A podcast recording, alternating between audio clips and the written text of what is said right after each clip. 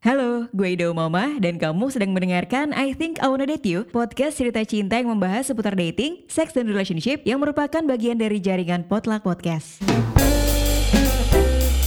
Kali ini gue akan membahas problematika yang dari tahun ke tahun selalu jadi perbincangan seru, yaitu soal pertanyaan kenapa sih nggak nikah-nikah, juga tentang pilihan menikah atau nggak menikah nih. Bedanya di sini ada lima perempuan dewasa yang bakal ngasih beragam perspektifnya soal pernikahan. Selain itu mereka juga akan cerita nih gimana cara mereka ngerespons pertanyaan-pertanyaan tersebut. Nah tapi sebelum kita dengar opini lengkap dari mereka, gue udah merangkum ragam pertanyaan apa aja sih yang mereka terima selama ini. Yuk kita dengerin beberapa cuplikannya. Kalau nyokap gue tuh perempuan tuh ada masa expirednya dia bilang gitu kan. Kalau di atas 35 tuh nanti susah. Lagi nanti anak kamu udah baru lulus SMA, kamunya udah tua, nggak bisa nyari kerja, bla bla bla bla bla gitu. Mumpung ibu masih sehat, mumpung ibu masih ada, gitu dah. Bahkan lo tau gak sih deh waktu bokap gue meninggal, itu ada keluarga gue yang ngomong gini, jangan-jangan bapaknya meninggal karena sakit ya, stres mikirin dia nggak nikah-nikah.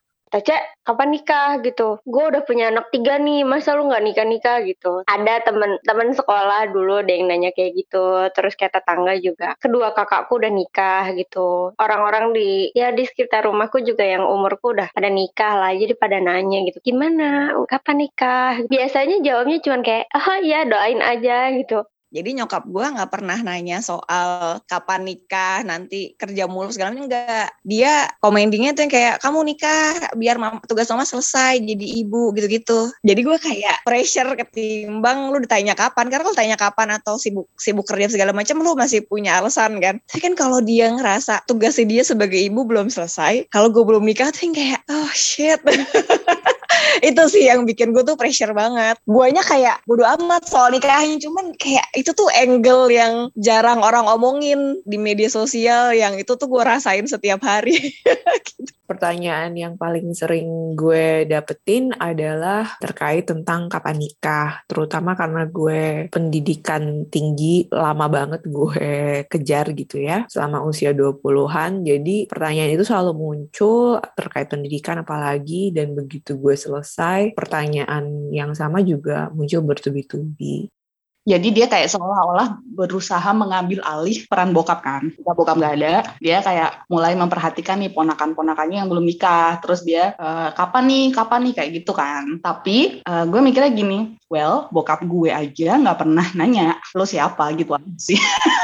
walaupun itu om gue ya tapi kan gue nggak pernah tumbuh bersamanya. Gue nggak intinya gue tidak mengenal dia dan lo nggak mengenal gue gitu kan. Kebetulan aja kita punya hubungan darah Nah, gimana? Udah mulai relate atau merasa familiar dengan pengalaman-pengalaman mereka tadi? Gue yakin berapa dari kita pasti pernah menerima pertanyaan serupa. Bahkan gue sendiri nih lumayan sering loh menerima pertanyaan-pertanyaan kayak tadi. Bahkan ada yang lebih ekstrim gitu, apalagi kalau datangnya dari keluarga atau saudara sendiri. Well, seiring perkembangan zaman, perubahan generasi atau faktor lingkungan gitu ya, juga beberapa aspek tentang nilai hidup atau value yang kita pegang biasanya akan berpengaruh juga ke ke keputusan-keputusan yang akan kita ambil nantinya, termasuk dalam siklus hidup. Misalnya ada orang-orang yang mengamini siklus hidup itu ya lahir, kemudian dewasa, sekolah, kuliah, bekerja, menikah, punya anak, and that's it. Tapi ada juga loh orang-orang yang merasa kayaknya butuh jalur lain gitu ya, yang nggak normatif, yang nggak biasa dilakukan sama orang-orang pada umumnya khususnya untuk kultur masyarakat Indonesia. Misalnya menikah di usia 30-an, 40-an, 50 50-an atau bahkan memilih single, mengadopsi anak gitu atau child free dan sebagainya. Nah, kalau gue baca dari artikel Tirto ID nih, ada sebuah istilah yang namanya wethood. Sederhananya semacam penundaan pernikahan yang kita lakukan karena adanya beberapa alasan atau pertimbangan tertentu. Jadi sama seperti yang gue bilang tadi di awal bahwa banyak faktor yang gak bisa disamain sama orang lain gitu kan. Bahkan konsep wethood sendiri beda-beda loh definisinya di tiap negara.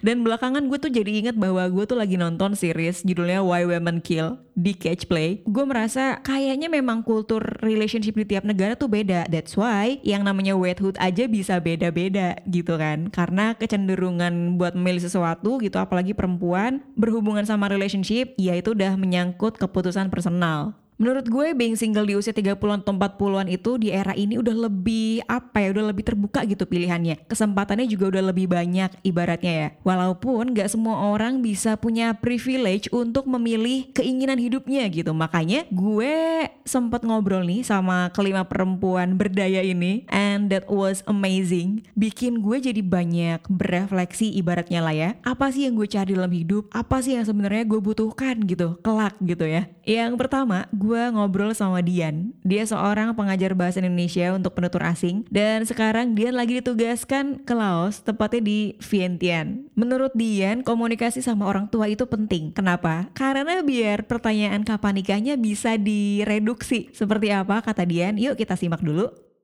Jadi nyokap gue udah tahu seberapa usahanya gue untuk gue udah berada di jalur yang tepat gitu loh, Dak. Ya kan? Jadi gue lebih lebih banyak melibatkan nyokap untuk deketin calon gue ke nyokap supaya jadi nyokap udah tahu sendiri usaha gue. Kalau akhir-akhir ini sih dia jadi minim bertanya sih nyari uang tuh nggak ada habisnya mau kapan lagi nikahnya gitu. Gue kasih tahu keadaan yang realistisnya gitu biar nyokap gue juga realistis lah ya. Kondisinya gini gini gini gini mau nggak mau aku harus berkarir dulu dong. Mungkin lebih ke nyokap gue mungkin juga sebenarnya mau slow-slow aja mau ngerti kita gimana gitu kan. Mau ngerti iya uh, misalnya nyokap lo juga ya ibu ngerti sih sama alasan kamu. Tapi nyokap kita itu juga dikejar-kejar sama sama orang-orang di sekitar dia gitu kan? Iya jadi mau nggak mau dia ngejar-ngejar kita juga dong. Gue nggak bacanya gitu dua tahun lalu tuh gue kayak jungkir balik gitu hidup hidup gue ya. Ada titik balik di hidup gue. Uh, ada apa sih kayak ada perang batin sendiri gitu. Terus sampai gue ada di perasaan ketika gue single gue fine fine aja. Gue ngerasa gue bahagia bahagia yuk aja kok single gitu. Jadi ketika gue ketemu uh, pasangan dan pasangan gue malah nambah beban hidup gue kayak kok pasangan gue drama banget ya? Kok gue pusing banget ya? Ya kalau gitu gue jadi kayak ngerasa ya udah ngapain gue punya pasangan kalau misalnya pasangan gue kayak gitu? Gitu. Sejak saat itu kalau misalnya pun gue single ya nggak apa-apa selama gue happy. Nah karena lo bilang tadi perempuan yang berdaya udah mandiri juga gitu. Kalaupun ada pasangan dan pasangan itu menambah uh, nilai hidup di diri dia menambah dia untuk berkembang ya udah yuk gitu. Tapi kalau misalnya pasangannya justru menurunkan apa yang sudah ada di diri dia kayak malah bikin dia toksik atau apa ya lebih baik nggak usah kan. Udah mulai beberapa pasangan gue yang terakhir sih ketika gue suka sama orang gue akan list dulu tuh biasanya apa sih yang gue suka dari orang ini? Apa yang gue nggak suka dari dia? Dan apakah gue bisa nerima kekurangan dia itu atau enggak? Karena gue takutnya kayak yaudah deh siapa aja yang datang ke gue gue terima. Kan kita nggak gitu kan? Uh, jadi gue ngerasa gue harus uh, menerima dia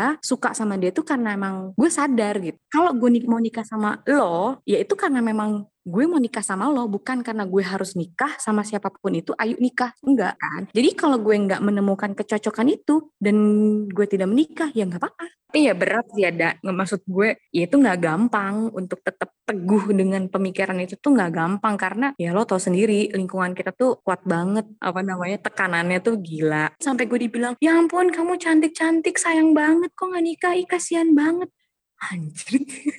Lo mau muji gue atau mau ngapain nih? Gitu kan?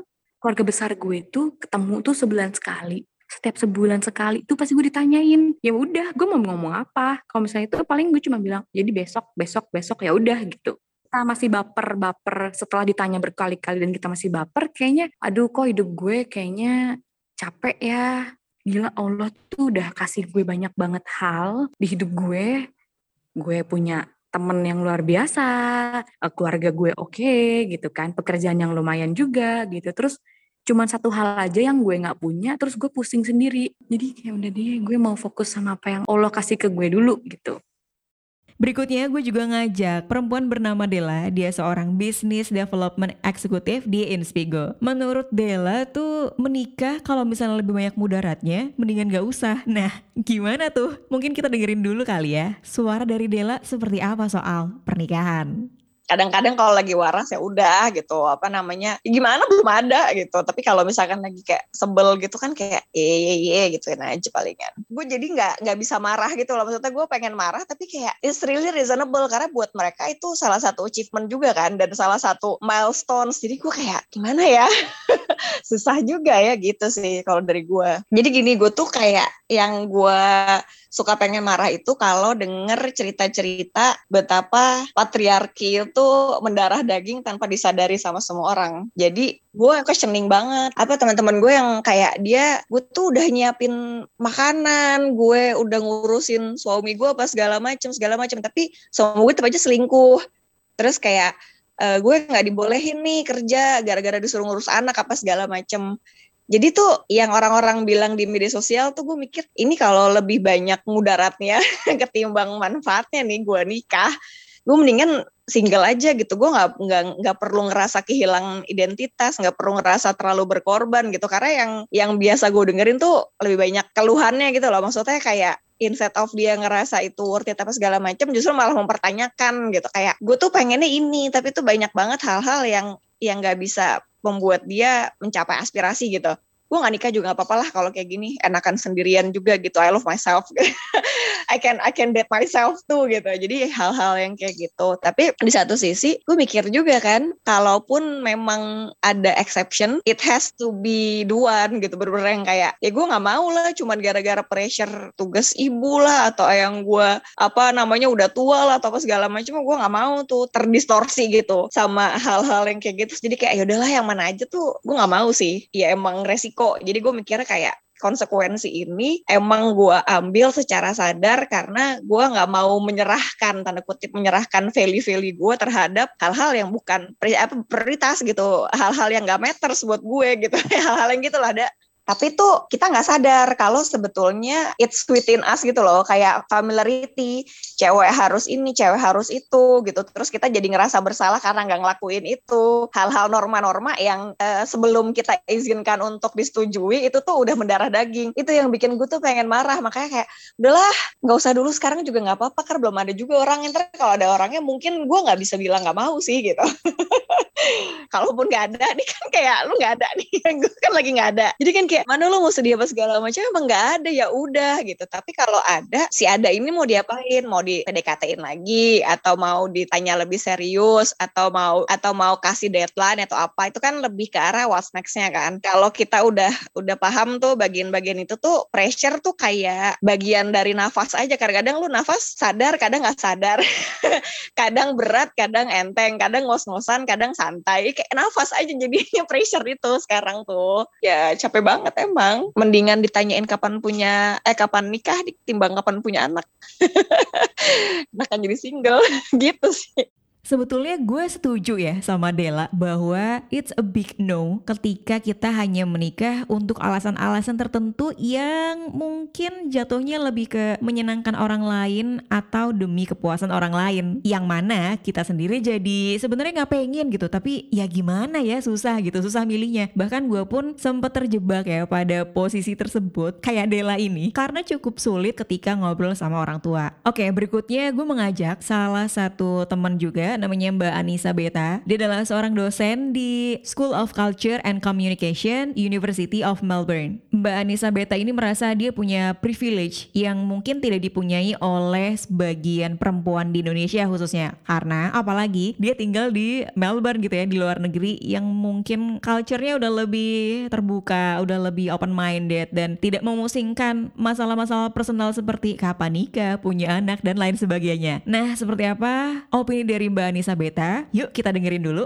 tanpa gue sadari dulu almarhum nyokap gue rajin banget ternyata menjawab pertanyaan ini tanpa sepengetahuan gue gitu. Tapi kemudian begitu beliau nggak ada, uh, jadilah tanggung jawab langsung gue gitu ya yang jawab. Dan sejujurnya kadang gue suka nggak tahu gimana jawabnya dan kadang jatuh ke dua ekstrim. Either gue jawabnya sambil bercanda gitu ya, atau ya gue jadi kesel sendiri dan akhirnya menjawab pendek dan diem posisi gue sekarang adalah uh, gue punya banyak modal gitu untuk beneran menjawab oh ya gue memilih untuk tidak menikah gitu ya. Bukan nggak mau bukan terpaksa harus mau gitu. Jadi menurut gue ini sebuah privilege privilege yang didapetin sama orang-orang kayak gue gitu yang berpendidikan tinggi terus dikasih kesempatan untuk jauh dari keluarga yang rajin menanyakan hal-hal tersebut. Jadi karena gue nggak tinggal di Indonesia jadi gue ngerasa gue ini punya kesempatan yang sangat besar besar untuk menjelaskan kalau ya di tempat gue tinggal orang nggak begitu perhatian atau mengkhawatirkan apakah seorang perempuan udah menikah atau belum. Nggak kebayang sih sebenarnya kalau versi gue yang ini tinggal di Indonesia itu seperti apa gitu. Karena mungkin ya walaupun gue punya privilege yang sama gitu, oh gue memilih enggak gitu. Mungkin di Indonesia jawabannya harus kayak ya kayak video lu nama ya itu loh gitu kayak harus menjelaskan panjang lebar bahwa semua pilihan harus ada jawabannya terutama pilihan mengenai kenapa belum menikah. Bukan memilih tidak menikah tapi kenapa belum menikah gitu. Jadi ini buat gue beneran privilege sih. Uh, di usia gue sekarang sebenarnya teman-teman yang nikah kan udah banyak tapi pada saat yang sama udah banyak juga teman-teman yang bercerai atau mengalami situasi di mana ya pernikahan harus berakhir. Kembali tadi ke poin gue mengenai privilege gue sangat beruntung berkesempatan untuk sekolah dulu terus mendapatkan pekerjaan yang gue inginkan tidak ada di Indonesia dan pada saat yang bersamaan gue juga punya teman-teman yang sangat baik yang jujur gitu nyeritain pengalaman pernikahan mereka gitu. Gue sesungguhnya ngeliat pernikahan tuh udah jauh beda ya dari gue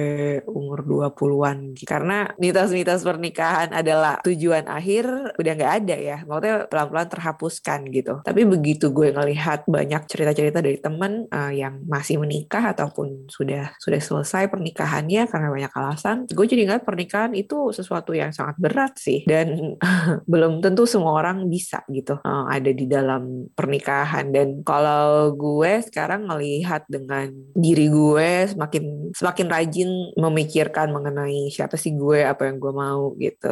Gue tuh orangnya seperti apa. Gue mulai merasa kayaknya mungkin gue nggak cocok ya uh, dalam institusi tersebut gitu. Karena mungkin akan memberatkan si pasangannya gitu karena banyak hal yang setelah gue cek lagi oh ternyata nggak bisa gue negosiasiin gitu. Jadi ya mungkin ada satu orang nanti uh, yang sangat baik yang bisa jadi pasangan tapi beneran gue ngelihat pernikahan tuh sekarang udah beneran sebagai institusi gitu. Kalau kedua orang tua masih hidup dan dua orang tuanya orang Indonesia yang dikelilingi cara berpikir yang masih sama ya meskipun tinggal di mana-mana tetap aja sih agak susah gitu ya. Bukan berarti gue alhamdulillah gue gak punya orang tua gitu cuma pendewasaan jadi secara struktur lebih cepat aja gitu. Oh ya emang uh, keputusan hidup gue sepenuhnya ada di gue gitu dan gue nggak nggak ada tanggung jawab untuk misalnya menjadi alasan kebahagiaan orang lain gitu. Kadang kan orang juga ada ya yang nikah tuh ya karena gue kan mau nyenengin orang tua gue gitu. Dan itu alasan yang legit menurut gue. Ya kalau orang-orang kayak gue dengan banyak privilege dan nggak adanya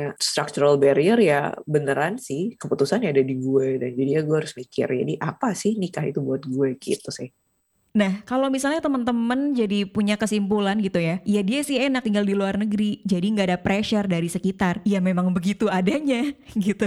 Kita harus menerima keadaan itu loh, karena kan realitasnya seperti itu. Kalau misalnya teman-teman pengen keluar negeri, tinggal di sana, biar nggak dapet pressure, ya silakan aja, asalkan tetap bertanggung jawab gitu sama pilihannya. Gitu aja sih ya, biar mudah gitu kan. Nah, perempuan keempat yang gue ajak ngobrol ada Mbak TC, seorang editor buku di penerbit margin kiri. Dan ketika gue ngobrol sama Mbak TC ini vibe-nya emang seru ya karena Mbak TC buat gue adalah seorang perempuan yang berani menyuarakan sesuatu apalagi soal keinginannya, kemauannya seperti apa dalam hidup. Nah, mendingan kita dengerin yuk Mbak TC ini pengennya kayak gimana dan perspektif pernikahan dari dia seperti apa sih?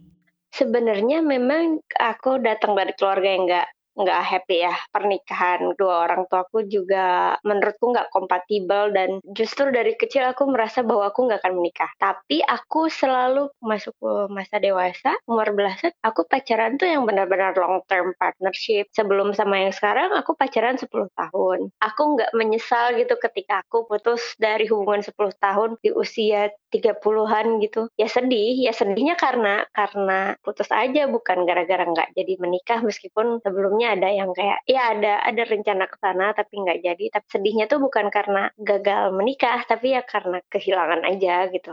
Sedihnya karena bucin aja bukan karena aku punya bukan karena aku punya target akan menikah bla bla bla segala macam. Enggak. Sedihnya ya karena aku bucin aja aku menikah siap tapi kalau nggak menikah juga ya udah. Soalnya kadang-kadang aku apa ya aku ngelihat di sekelilingku gitu teman-temanku cowok-cowok tuh kan suka pada bohong ya. Mereka suka bilang kayak aku serius kok gini gini gini gini. Padahal mah nggak niat gitu. Cuma karena mereka pikir bahwa itulah yang ingin didengarkan oleh para perempuan gitu. Nah untungnya di keluarga aku tuh udah tahu bahwa aku nggak bisa ditekan. Jadi waktu misalnya kayak waktu aku putus sama mantan pacarku yang lama itu bapakku udah nanya kamu mau nggak ketemu sama dia belum selesai ngomong udah aku potong enggak enggak usah coba-coba jadi kalau misalnya dulu waktu kecil aku nggak mau nikah karena takut kayak orang tua segala macam. Tapi kemudian udah gede yang kayak pernikahan bahagia itu ada dan bisa. Tapi pernikahan yang tidak bahagia juga ada dan bisa dan banyak gitu. Jadi kayak aku ya udah gitu. Aku ngobrol sama orang tua aku kan, sama ibuku gitu. Aku nanya, kalian tuh dulu pacarannya gimana sih? Kok nikahnya kayak gini amat gitu kan? Waktu mereka pacaran mereka baik-baik aja. Terus aku jadi mikirin gini, oh mungkin memang ada orang-orang yang kayak cuma pantas pacaran doang gitu cocoknya emang cuma pacaran aja mereka nggak cocok menikah apalagi beranak pinak gitu segala macam ya udah gitu. Ada orang-orang yang nggak kompatibel aja untuk menikah gitu meskipun saling mencintai atau apalah karena emang pernikahan kan urusannya lain lagi. Dan ya udah aku jadi kemudian jadi lebih lebih ini aja gitu. Cuman aku tuh kamu siapnya apa aku siapnya apa kita bisa ketemu di mana atau kita nggak bisa ketemu di mana. Biar biar selesai aja biar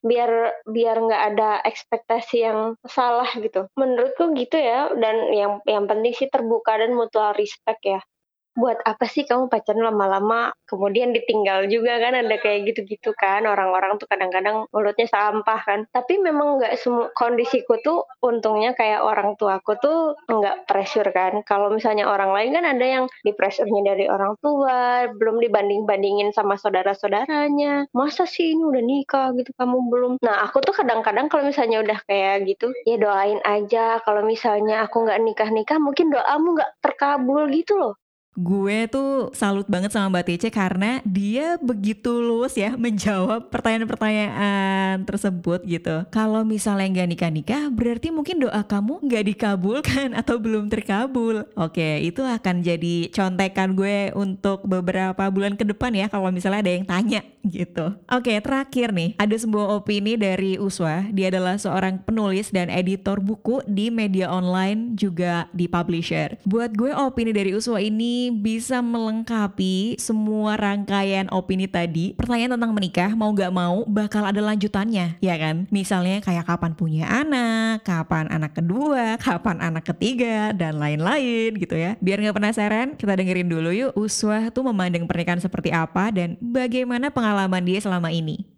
intinya gini orang terdekat gue aja bokap nyokap gue aja nggak pernah nggak pernah menanyakan dan mempertanyakan gitu. Kenapa lo tiba-tiba ujuk-ujuk nongol nanya kayak gitu halo gitu aja sih gue. Uh, awal kuliah tuh gue senang banget karena kayak wow tau kan anak umur 19 20 itu kayak wow mimpi gue masih banyak banget kayak gitu kan. Dan ternyata sampai sekarang mimpi gue masih banyak banget gitu 20 tahun kemudian gue masih orang yang sama dengan optimisme yang sama dengan uh, kebahagiaan bermain-main sih. Bermain-main dalam artian explore semua gagasan-gagasan atau segala kemungkinan gitu. Dan gue gue tidak cukup gue merasa tidak cukup multitasking untuk melakukan hal lain gitu. Misalnya karena tiap kali gue kan deadline gue banyak. Di saat gue habis dari deadline satu lanjut ke deadline berikutnya itu yang gue syukuri adalah wow wah lu lu beruntung tanggung jawab lu cuma ini gitu kan. Gue nggak mikir apa apa kan. Gue nggak mikir selain deadline gue intinya gue nggak mikir selain pekerjaan yang kebetulan hobi gue gitu kan. Kerjaan-kerjaan gue semuanya gue sukai gitu kan. Gue nggak mikir rumah gue nggak mikir anak gue nggak mikir mami gitu kan. Gue nggak mikir mertua. Gue nggak mikir hal-hal kayak gitu yang orang lain hebat banget bisa memikirkan banyak hal seperti itu. Mungkin ada yang sambil sekolah sambil kerja sambil ngurus anak. Gue once deadline selesai ya gue akan tidur bangun jam 2 siang dan gue bangun-bangun happy dengan wow bisa tidur sampai jam 2 siang.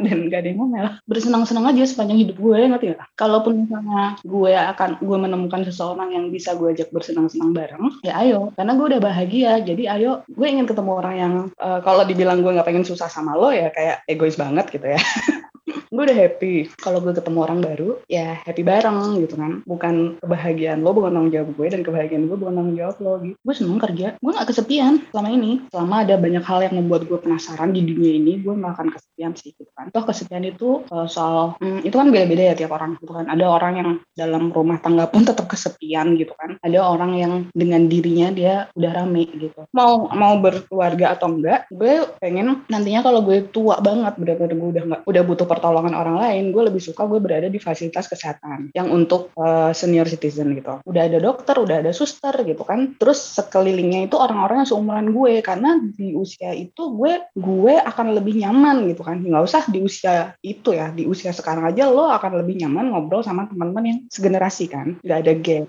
Mungkin kita nontonin film-film lama ADC gitu kan. 50 tahun lagi anak usia 17 mungkin nggak relate dengan ADC yang kita sukai banget misalnya, iya kan? Entah gue berkeluarga atau enggak, ya gue akan kayak gitu gitu kan. Daripada gue repotin gitu kan, dan misalnya gue berada di dalam satu keluarga, tapi uh, gue sih akan lebih nyaman dengan profesional ya dokter yang ready gitu kan bukan orang-orang yang ketika kita jatuh gitu misalnya mereka nangis gitu kan. Ya kan? Kalau lu nggak punya background kesehatan apa yang bisa lu lakukan kecuali membawanya ke rumah sakit gitu? Gue sih kalau kalau misalnya gue punya anak gue mau kan membebani dia dengan hidup gue karena gue yakin hidup dia di masa depan itu jauh lebih susah daripada hidup gue sekarang. Lahan pasti lebih sempit untuk dia. Bumi ini nggak nggak nambah luasnya ya kan? Persaingan kerja lebih ketat tantangan dia akan berbeda dengan zaman gue Well, gue setuju banget ya sama Uswah bahwa manusia pasti bertambah, tapi luas bumi sama aja. Ini akan gue pegang selama selama beberapa tahun ke depan. Dan kalau bisa gue rangkum, kelima opini dari Dian, kemudian dari Della, dari Mbak Anissa, Mbak TC, juga Uswah, memang nggak bisa serta-merta mewakili keseluruhan perempuan dewasa usia 30-an pada umumnya gitu ya. Tapi, seenggaknya kita tahu kalau sebagian perempuan punya pengalaman pribadi yang nggak bisa dipisahkan dari pilihannya di masa mendatang gitu. Jadi nggak nikah-nikah itu karena mereka memang punya alasan yang kuat. Mereka punya nilai hidup yang berbeda yang tentu harus kita hargai. So please don't lower your standard. Jangan sampai karena sesuatu yang nggak reasonable kita jadi potong kompas. Kita jadi nggak mikir jauh ke depan. Dan akan gue ulang sekali lagi bahwa pernyataan soal pernikahan yang bahagia itu ada. Betul memang ada dan banyak. Tapi kita harus ingat juga bahwa banyak kok yang akhirnya jadi racun dalam relationship atau dalam rumah tangga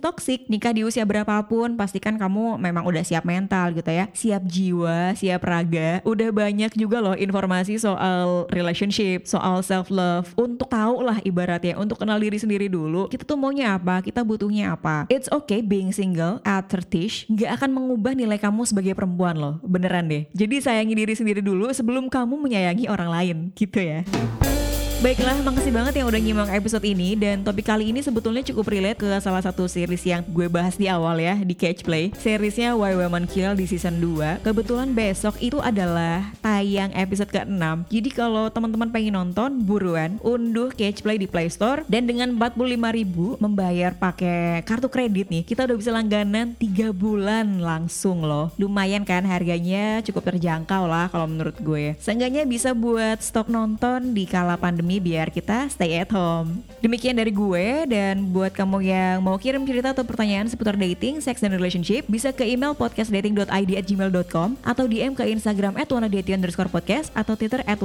Follow dan subscribe Potluck Podcast di Youtube dan Instagram untuk tahu episode terbaru dari Potluck. See you and bye-bye.